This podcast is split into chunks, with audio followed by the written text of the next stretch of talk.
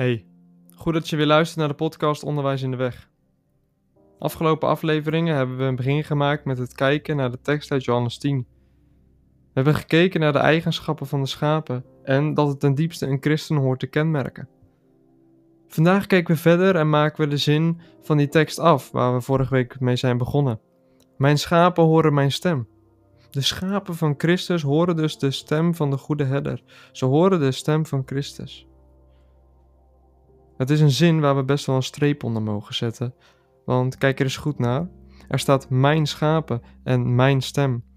Die woorden die duiden op bezit. Die duiden op eigendom. Jezus zegt niet simpelweg dat het schapen zijn, maar hij benadrukt dat het zijn eigendom is. En wat een rijke gedachte is dat. Want bezittingen die van jou zijn en waarvan je niet wil dat ze beschadigd of kwijtraken, zorg je extra goed voor en bescherm je. En nog zoveel meer zorgt God voor zijn schapen die van hem zijn.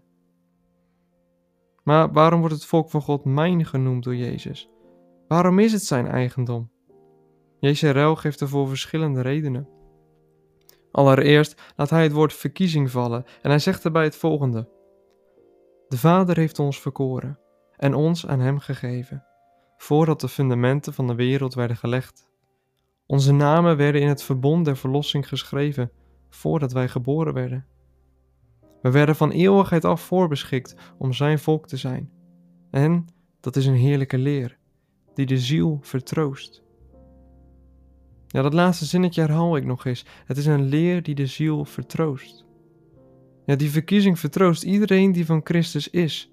Want omdat God ze al van eeuwigheid af verkoren heeft, zal hij ze ook zeker niet verliezen. Als je door genade Christus hebt leren kennen, is het vervolgens geen misschien of je het eeuwige leven zult krijgen. En is het geen misschien of je van Hem bent. Nee, want van eeuwigheid af had God jou al verkoren. En wist God dat je deel uit zou maken van de kudde van Christus. Spurgeon zegt het op de volgende manier als hij de schapen van Christus aanspreekt. Schapen van Christus, u zult voor eeuwig de zijne wezen, omdat u van eeuwigheid af de zijne zijt geweest. Ja, het zijn Christus schapen, omdat de Vader de schapen aan Christus gegeven heeft. Hoe je dat weet?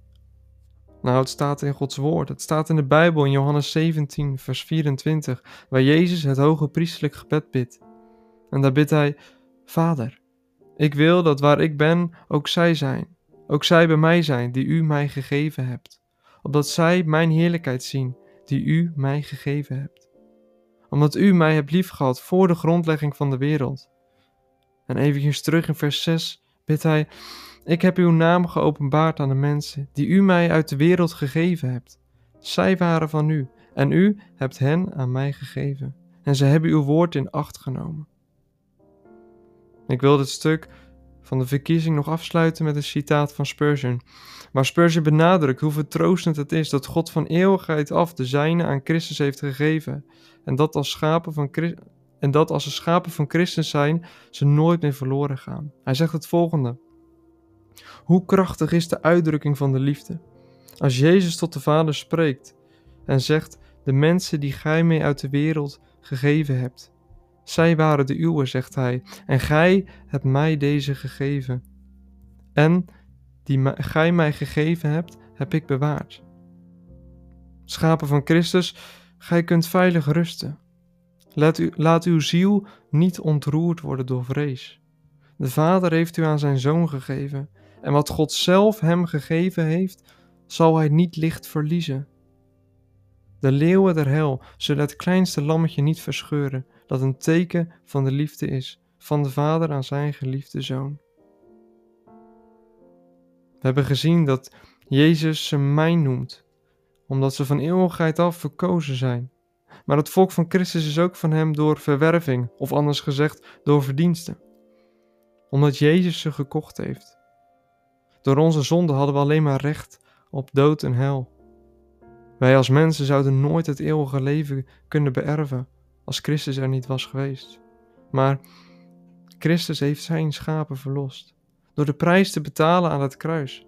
Hij, hij heeft ze gekocht met zijn dierbaar bloed en mag daarom terecht zeggen dat het zijn kudde is.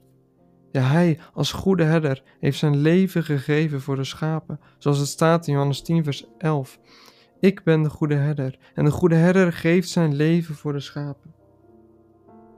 Spurgeon maakt gebruik van een mooi beeld als hij zegt dat de schapen door Christus gekocht zijn. Hij zegt dat op elk van de schapen in de kudde het merk, dat op elk van de schapen in de kudde de herder het merk kan zien van zijn bloed. En als in een spiegel ziet de herder dan het bloed van Gethsemane en de doodstrijd op Gogota. En die vlek zegt, u bent niet van uzelf, u bent immers duur gekocht. Als laatste is het volk van Christus van hem door aanneming. Christus heeft zijn geest, namelijk de Heilige Geest, in de mensen gegeven en de macht van de zonde in hun harten niet gedaan. Hij heeft ze aangenomen, waardoor ze nu deel zijn van het huisgezin.